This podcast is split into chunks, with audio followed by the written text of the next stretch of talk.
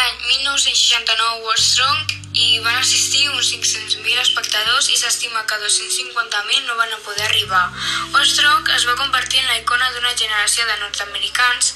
fars de les guerres i que provocava la pau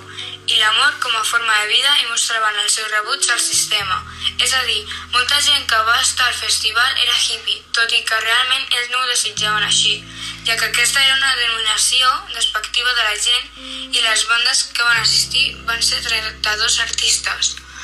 Uh, per desgràcia, hi van fer el Club dels 27, que els seus exquisits eren que tocaven rock i blues i que morien entre els 20 i 30 anys